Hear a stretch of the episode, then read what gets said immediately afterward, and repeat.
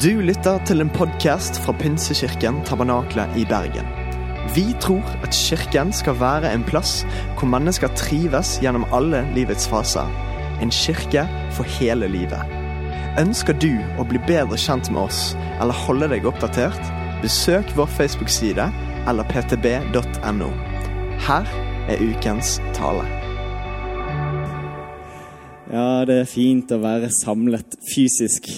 Og samlet når vi lovsynger, sånn at jeg ikke hører så godt min egen sure stemme. Fordi dere overdøver den, og det er veldig fint. En stor forskjell fra når jeg er alene. Um, uavhengig av hvordan formatet for en gudstjeneste er, så er det sånn at min bønn i møte med hver gudstjeneste, spesielt når jeg skal få muligheten til å dele sånn som nå, det er at vi alle når vi går ut herfra, skal ha sett mer av Jesus. Sett mer av hva han sier om oss, og sett mer av hva han kaller oss til enn det vi hadde før vi kom inn her. Det er min store bønn, og det som er så fint med det, er at til syvende og sist så er det litt uavhengig av meg, men det er noe bare Jesus kan gjøre. Så hvis du har lyst, så har jeg lyst til å invitere deg til å være med og be om at han skal gjøre nettopp det nå. Jesus, takk for at du er grunnen for at vi samles. Det er ditt navn, det er ditt verk, det er ditt liv, det er din tjeneste. Det, det er deg som er hellig.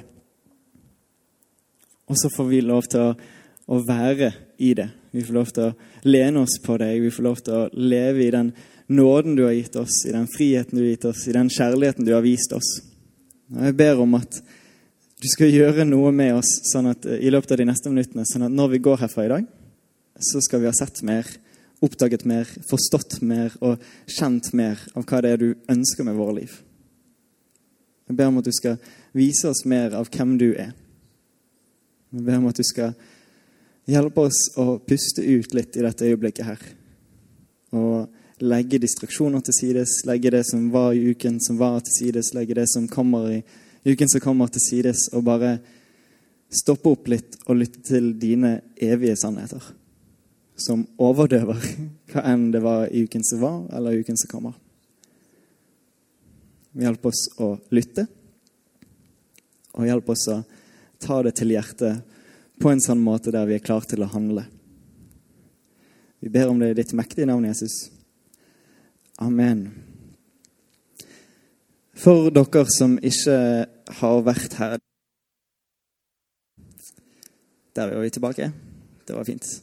For de som ikke har vært her de siste ukene, så har vi snakket om hebreerbrevet. Det er et av de siste brevene du finner i Det nye testamentet. Og dette er faktisk femte uken vi leser i det og går gjennom det sammen som en kirke. Og for deg som ikke har vært til stede eller hengt med, så, så må jeg gi en liten recap. Og, og, det er at det starter, det hele brevet starter med, med en eneste tydelig plassering av Jesus som suveren. Det er ikke noen sånn hyggelig hilsen i starten av brevet. det er ikke noen sånn Eh, 'Å, dere som er i den byen der, hør på det jeg har å si. Jeg er denne personen her, eller noe sånt. Det, det bare går rett på sak med å fortelle om dette er den Jesus er. Han er suveren. Han er det, det ypperste eksempelet, det ypperste bildet vi har på å forstå hvem Gud er. Det starter der, og så fortsetter det med en rekke sammenligninger og resonnement som viser hvordan Jesus er oppfyllelsen av alt som Det gamle testamentet pekte frem mot. Så hele veien ser vi Forfatteren forklarer liksom at Jesus er større enn profeten, han er større enn apostlene, han er større enn prestene. Han er bedre enn offerordningen og presteordningen. Han er bedre enn alle disse gamle tingene, for de var bare skygger av det som skulle komme. Det er det forfatteren av hebreerbrevet prøver å komme frem til gjennom hele brevet. Så peker han på Jesus er suveren. Jesus er det beste. Ordningen gjennom Jesus er det beste vi har. Og så Innimellom så kommer han med sånne små drypp hele tiden. På grunn av dette, la oss derfor og så kommer han med en eller annen oppmuntring, en eller annen, ikke befaling, men en eller annen ting han virkelig ønsker at vi skal agere på eller handle på. Og Det hele kan kokes ned til disse to beskjedene. Ikke gå tilbake, men gå fremover. Vi leser brevet som at det er skrevet til noen som enten er i stor fare for forfølgelse, eller som opplever forfølgelse. Og det er disse to beskjedene som hele tiden går igjen i møte med denne forfølgelsen, i møte med motstanden.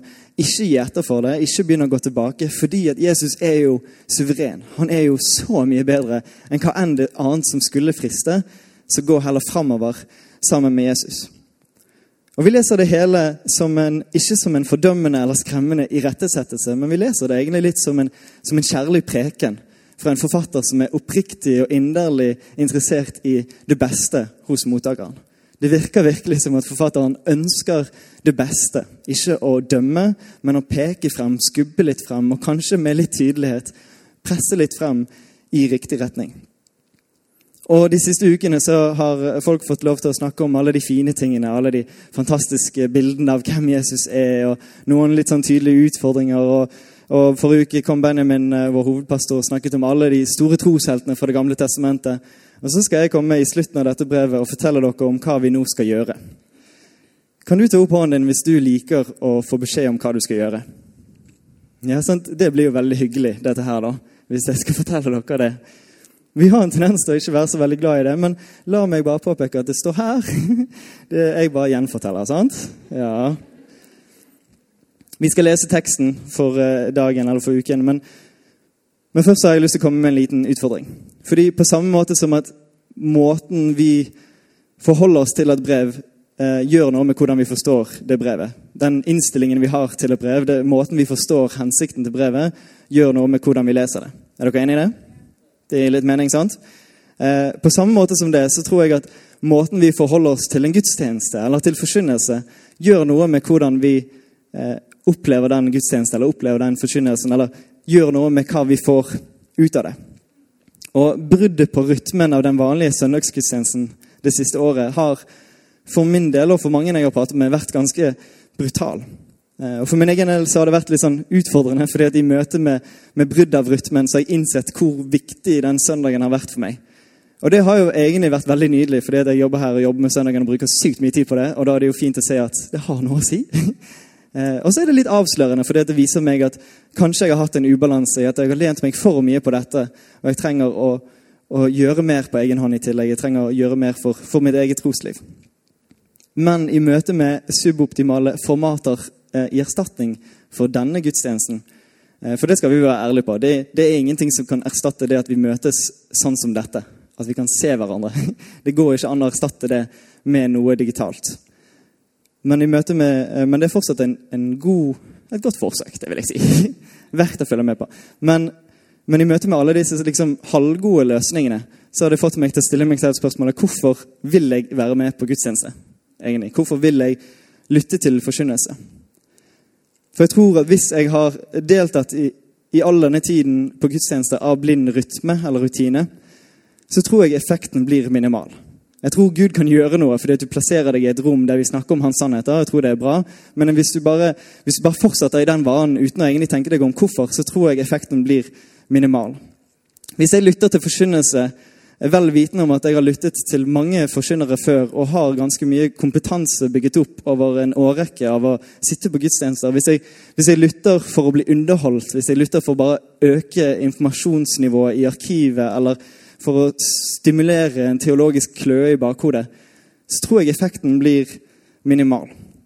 Men hvis jeg deltar i gudstjenesten for å delta, for å være med i tilbedelse, for å delta i tilbedelse, for å sette meg selv i en sånn posisjon av at herifra kan jeg lovsynge Gud. Herifra kan jeg lytte til hva Gud har å si til meg.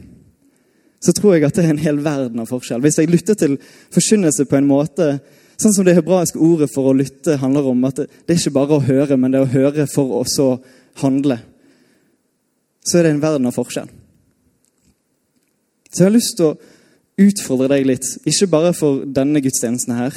Ikke fordi at jeg tror at det jeg skal si, er så sykt bra. Men fordi at jeg tror at Gud bruker det jeg sier, til å gjøre noe i ditt liv. Og jeg tror at han bruker det alle de andre forkynnerne, alle de andre gudstjenester gjør eh, gjør i ditt liv til noe spesielt. Jeg har lyst til å utfordre deg til å tenke over hvorfor kommer du på gudstjeneste. Hvorfor lytter du til forkynnelse? Og når vi skal lese eh, mot slutten av dette brevet, så har jeg lyst til å utfordre deg til å tenke hva har dette å si? For du kan velge å bare bli med på greia nå og øke kunnskapen i arkivet. Eller vi kan dykke litt inn i dette, inn i denne preken som forfatteren skriver, og finne ut hva har dette å si for mitt liv? Hva er det Gud prøver å si til meg gjennom dette? Du kan få lov til å reise deg opp. Og så skal vi lese sammen. Det vil si ikke sammen. Jeg skal lese, du skal lytte. Sånn funker det. Fra kapittel 13 vers 1 i brevbrevet så står det Hold søskenkjærligheten levende. Glem ikke å være gjestfrie. For på den måten har noen hatt engler som gjester uten å vite det.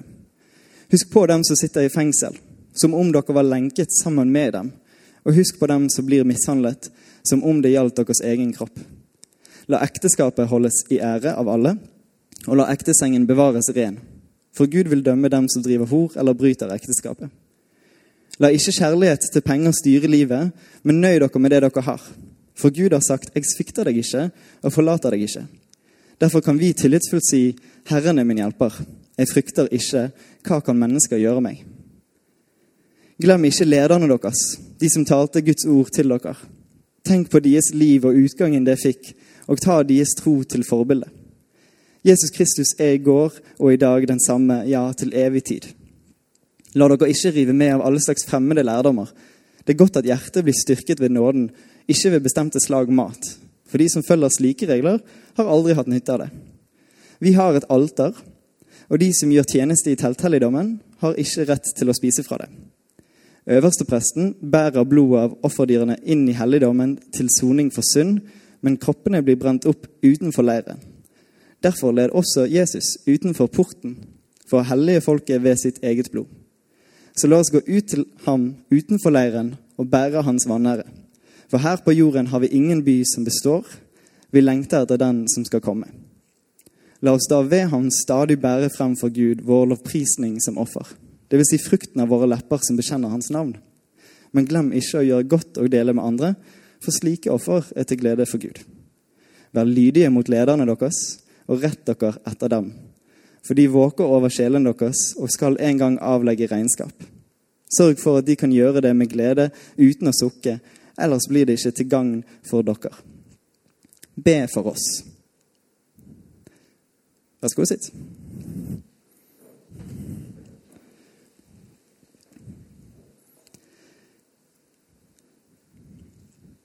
Opp med en hånd hvis du har hørt om resirkulering. Det er jo veldig bra. Ned igjen med hånden.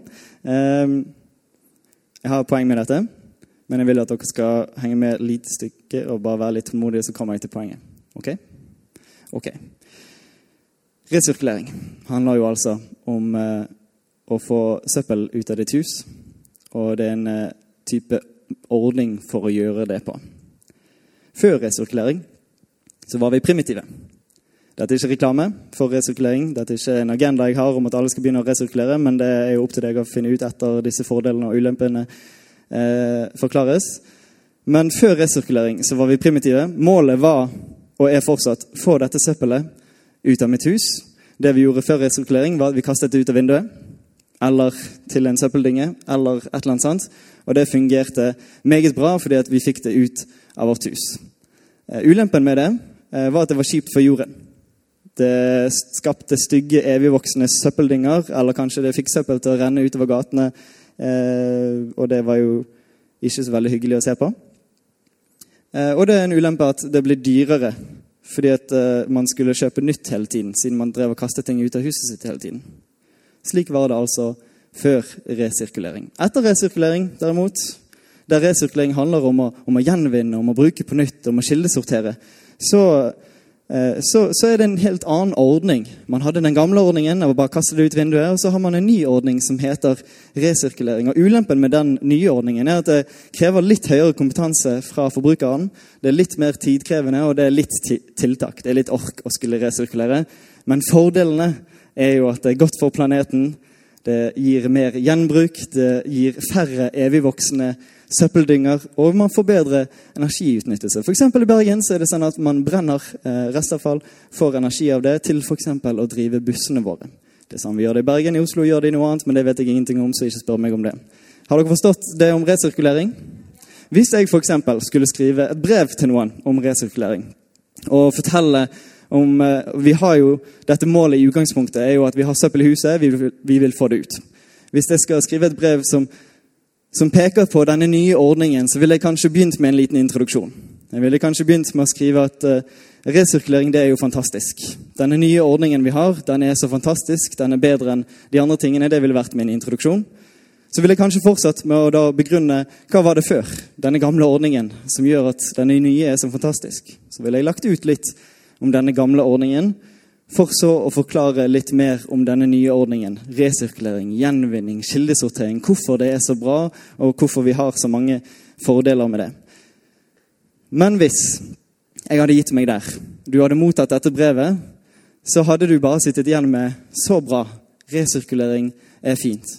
Men hva hadde du gjort når du møter på motgangen? Når du møter på de ulempene av at dette er jo enormt tidkrevende. Eller jeg vet ikke helt om dette er plastikk eller papp, eller om det er en type metall som jeg ikke har møtt på før.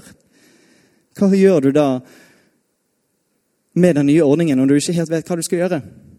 Jo, da ville jeg kanskje lagt inn i brevet noen konsekvenser av overgangen til denne nye ordningen. Og Disse konsekvensene det kan være f.eks. praksiser jeg oppmuntrer til for å holde fast på denne nye ordningen av å resirkulere. Praksisen som å sortere tingene du har. Praksisen som å gjøre deg oppmerksom på hvor du kan kjøre til, eller hvor du kan gå til for å legge fra deg dette på en måte som, som leder til gjenvinning eller bedre forvaltning. Gir det mening? Si at man skulle skrive et brev om Jesus. For eksempel så gjør jo forfatteren av Hebreerbrevet nettopp det. Skriver litt om Jesus. Skriver om noen gamle ordninger og noen nye ordninger. Han starter jo med en introduksjon som sier Jesus er fantastisk. Det beste vi har, det beste vi kan forstå Gud gjennom, det, det er Jesus. Det ville vært introduksjonen i det brevet. Kanskje. Det er jo det det er i Hebreerbrevet. Kanskje man ville fortsatt med å snakke litt om den gamle ordningen man hadde. Når man snakker om Jesus, så er jo problemet er jo vår synd, vår, vår, vår skyld. Og Den gamle ordningen det handlet jo om, eh, det var jo noen gode greier der. Det var noen løsninger, man skulle ofre noen ting. og Det var noen midlertidige løsninger som funket helt greit, eh, fordi at man hadde jo ikke Jesus ennå. Men i dette brevet så ville jo jeg skrevet om Men vi har jo Jesus! Og Jesus er jo fantastisk. Og mens den gamle ordningen var midlertidig og ufullstendig og sårbar pga. menneskers prestasjoner, så er jo den nye ordningen fantastisk! Fordi Jesus er jo evig, fullstendig og perfekt. Det vil jeg skrive litt om i det brevet. Men hvis jeg hadde stoppet der, hva hadde vi da gjort når vi plutselig møtte motgang? Når vi plutselig møtte noen som sier Jesus er jo ikke så fantastisk, eller noen som utfordrer det standpunktet av å holde fast på han istedenfor å gå tilbake til disse gamle ordningene. Hva skulle jeg gjort hvis jeg bare stoppet der? Derfor ville jeg som forfatter av et brev kanskje skrevet litt om konsekvensene. På samme måte som ved resirkulering.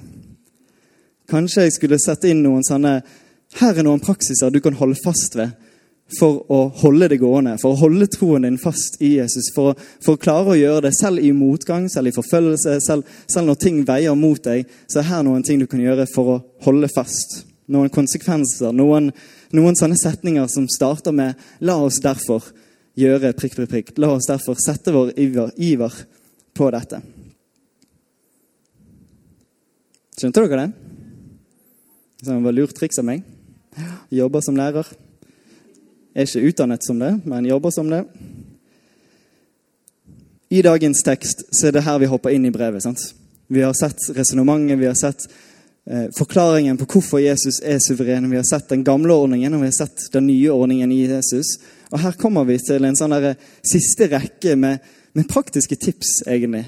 Befalinger, kan man kalle det. Imperativer det ville vært en grammatisk måte å eh, formidle det på. Ting som forteller oss hva vi da burde gjøre. Og Så leser vi det litt på en sånn her, kjip måte, fordi at, eh, som håndsopprekningen her viste, vi liker ikke å bli fortalt hva vi skal gjøre. Så når vi leser sånne ting i Bibelen, så blir vi litt skeptiske. Så hopper vi gjerne litt videre.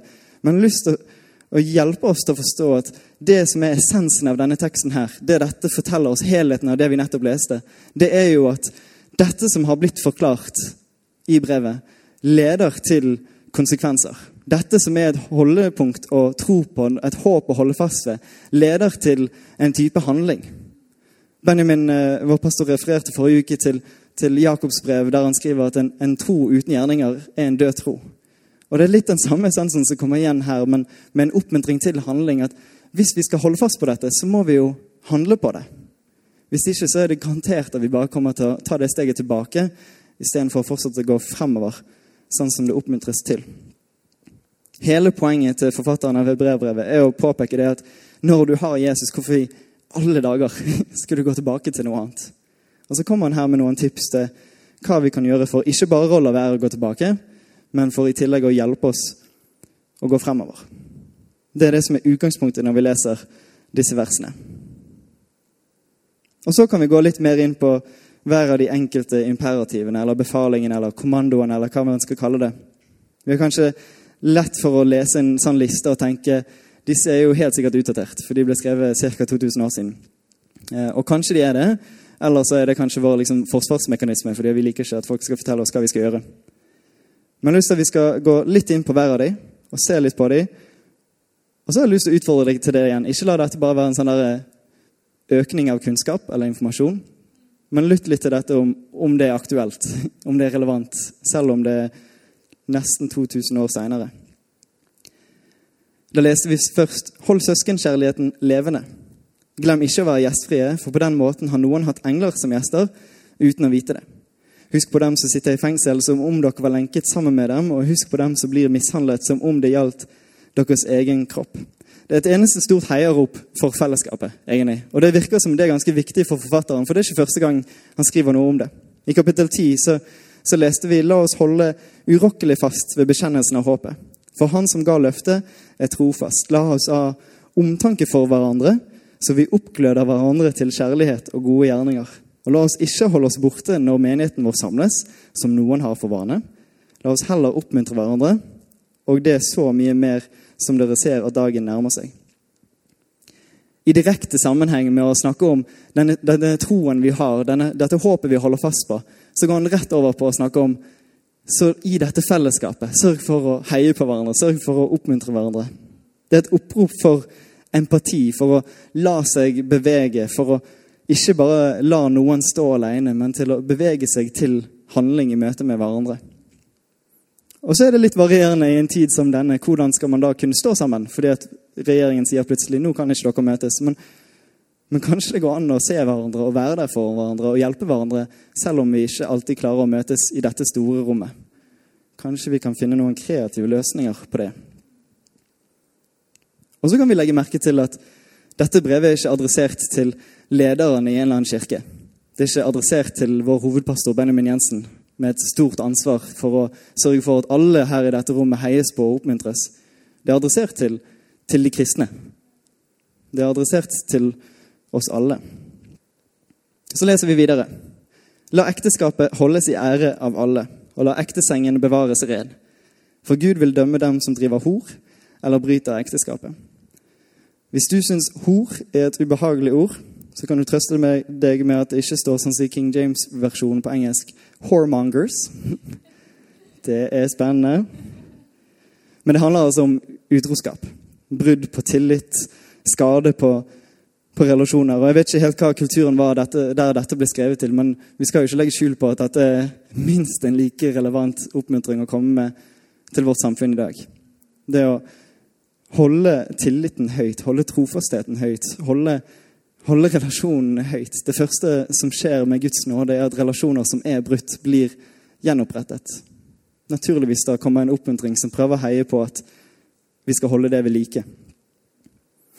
Så fortsetter forfatteren La ikke kjærlighet til penger styre livet, men nøy dere med det dere har. For Gud har sagt, 'Jeg svikter deg ikke og forlater deg ikke.' Derfor kan vi tillitsfullt si, 'Herren er min hjelper, jeg frykter ikke. Hva kan mennesker gjøre med meg?' Det er imponerende relevant for å ha blitt skrevet 2000 år siden. Er det ikke det? Det er jo noe som har med oss å gjøre òg. Fascinerende. Og Ved første øyekast så leser jeg dette og føler meg egentlig helt fin. Fordi at jeg kjenner meg ikke så veldig igjen i det jaget etter å ha mer penger for pengene sin del. Men så tenker jeg meg litt om og innser at jeg kjenner kanskje igjen det jaget etter å få en eh, litt ny og litt varmere jakke. Eller et nytt par sko eller en litt større leilighet eller en litt mer spennende ferie. Og så innser jeg at bak alle disse tingene så ligger det jo det der med penger. Og så kommer den lille setningen 'Nøy dere med det dere har'. Det er jo imponerende utfordrende i tillegg. Men oppmuntringen handler om å sørge for at det er ikke noe som er større enn Jesus. Oppmuntringen handler om å stole på det at i Jesus så har vi jo alt. Så står det videre.: Glem ikke lederne deres, de som talte Guds ord til dere. Tenk på deres liv og utgangen de fikk, og ta deres tro til forbilde. Jesus Kristus er i går og i dag den samme, ja, til evig tid. Og Forrige uke snakket Benjamin om kapittel 11 i Hebreabrevet, der det er en lang oppramsing av troshelter fra Det gamle testamentet. Og, og det, lander, det hele greiene lander i en sånn tydelig oppmuntring fra forfatteren om at disse skal vi se opp til. For disse viste med hele sitt liv at de hadde sin tro, sin tillit, festet i håpet i Gud. Til og med uten å ha sett Jesus komme ennå. Og her oppmuntrer forfatterne forfatteren av brevbrevene at det ikke engang bare handler om disse gamle trosheltene, men samtidig, samtidens ledere i tillegg. Se opp til disse. Lær av dem. Se hvordan deres liv forteller oss noe om at Gud har gjort noe i deres liv. At de, at de stoler så mye på han at de lever på den måten. Husk deres ledere. Fordi at Jesus er i går og i dag den samme ja til evig tid. For det, det betyr at det de så av Jesus da, som gjorde at de levde på den måten de gjorde, det argumentet lever like sterkt. For hvis Jesus er i går og i dag den samme ja til evig tid, så, så er jo Jesus like mye verdt det for oss i dag.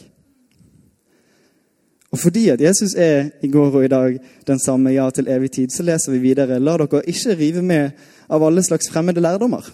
Fordi at Jesus er jo i går og i dag den samme ja til evig tid. Så da har det ikke så mye å si, alle disse nye, spennende greiene som kommer inn i bildet. For det er jo Jesus som står solid likevel. Og I akkurat dette verset og i versene som følger, så handler det om, om en spesifikk situasjon i, for jødiske kristne som, som, fristes til å dra tilbake til de gamle ordningene som var i, i, jødedommen. Men det, dette, denne teksten brukes som en referanse tilbake til det resonnementet som forfatteren har hatt gjennom hele brevet, at dette er forbi. Disse ordningene er utdatert. Hva du spiser, har ikke noe å si lenger. Omskjærelse har ikke noe å si lenger. Offerordningen har ikke noe å si, fordi at Jesus var det endelige offeret. Så istedenfor å komme med eller annet, en eller annen due eller et eller annet lam og ofre det for Gud for å gjøre han glad, så fortsetter forfatteren la oss da ved han stadig bære frem for Gud vår lovprisning som offer. Det vil si frukten av våre lepper som bekjenner hans navn. Ikke duer eller lam som slaktes, men frukten av våre lepper som bekjenner hans navn. Og ikke nok med det, men det presiseres i tillegg. Men glem ikke å gjøre godt og dele med andre, for slike offer er til glede for Gud.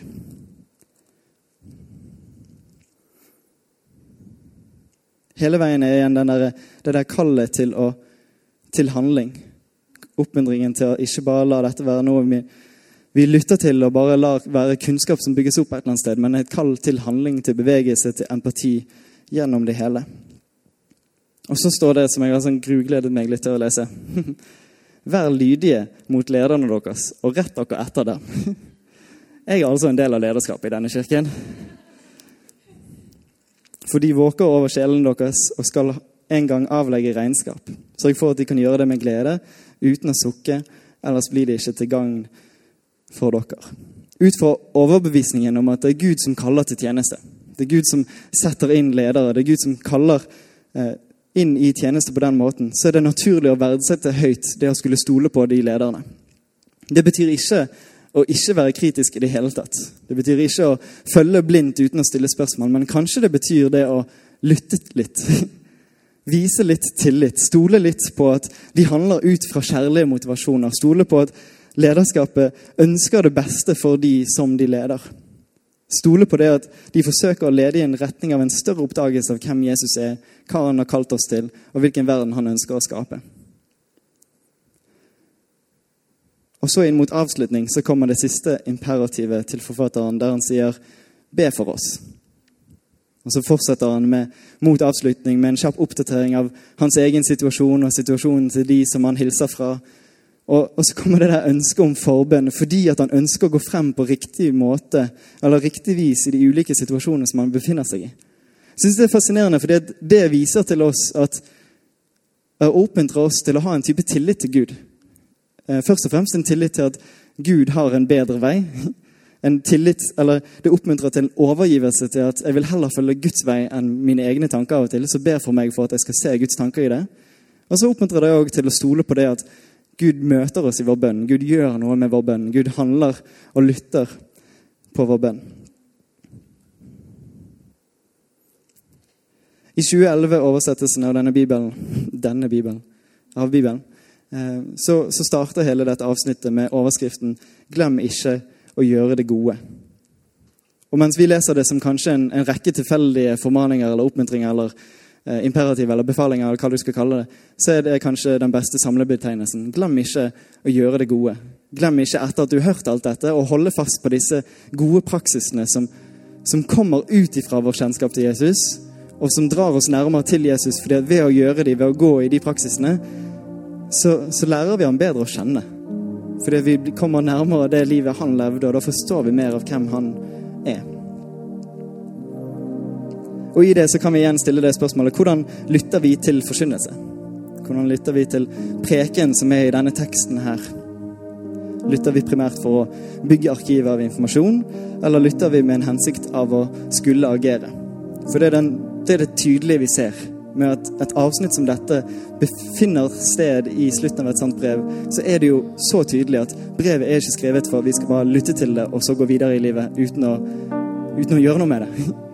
Det er skrevet for, for å pushe oss inn til å handle.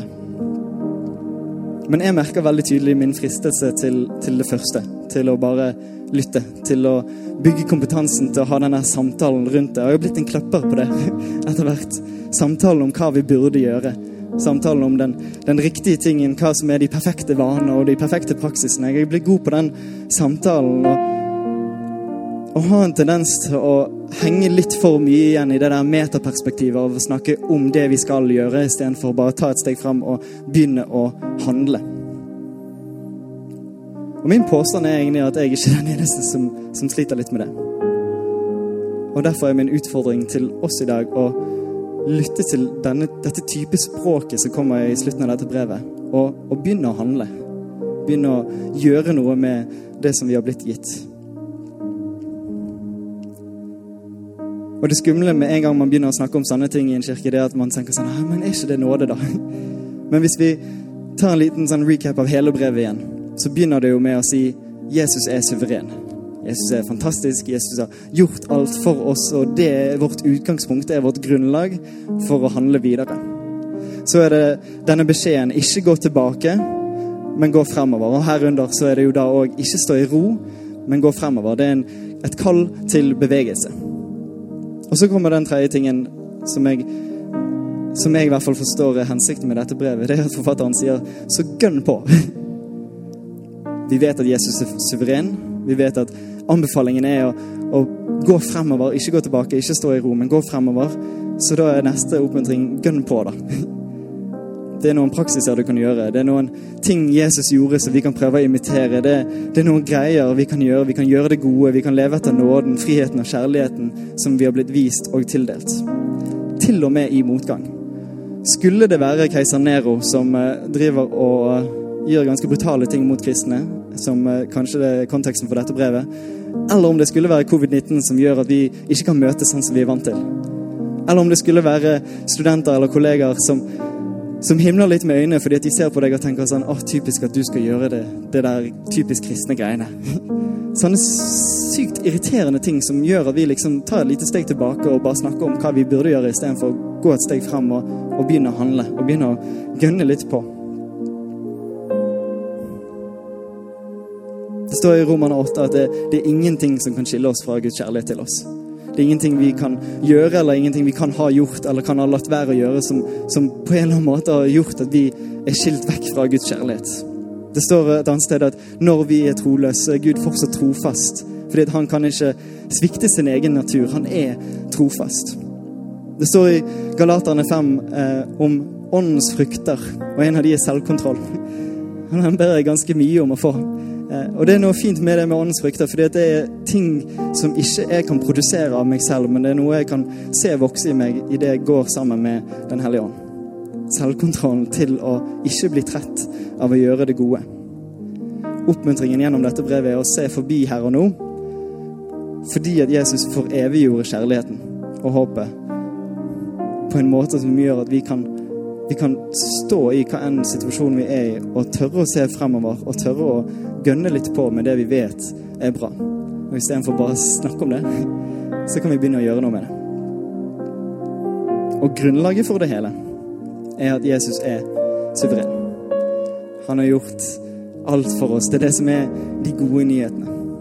Du kan få lov til å reise deg opp. Det er de helt fantastiske nyhetene, er at utgangspunktet for det hele er at Jesus først og fremst ga oss liv. Vi ble skapt. Og så har han gitt oss nytt liv i tillegg. Han har gitt oss muligheten til å si Kanskje du stepper inn, kanskje du hjelper meg, kanskje du stiller opp her hvor jeg ikke strekker til. Så har han gjort det for oss allerede.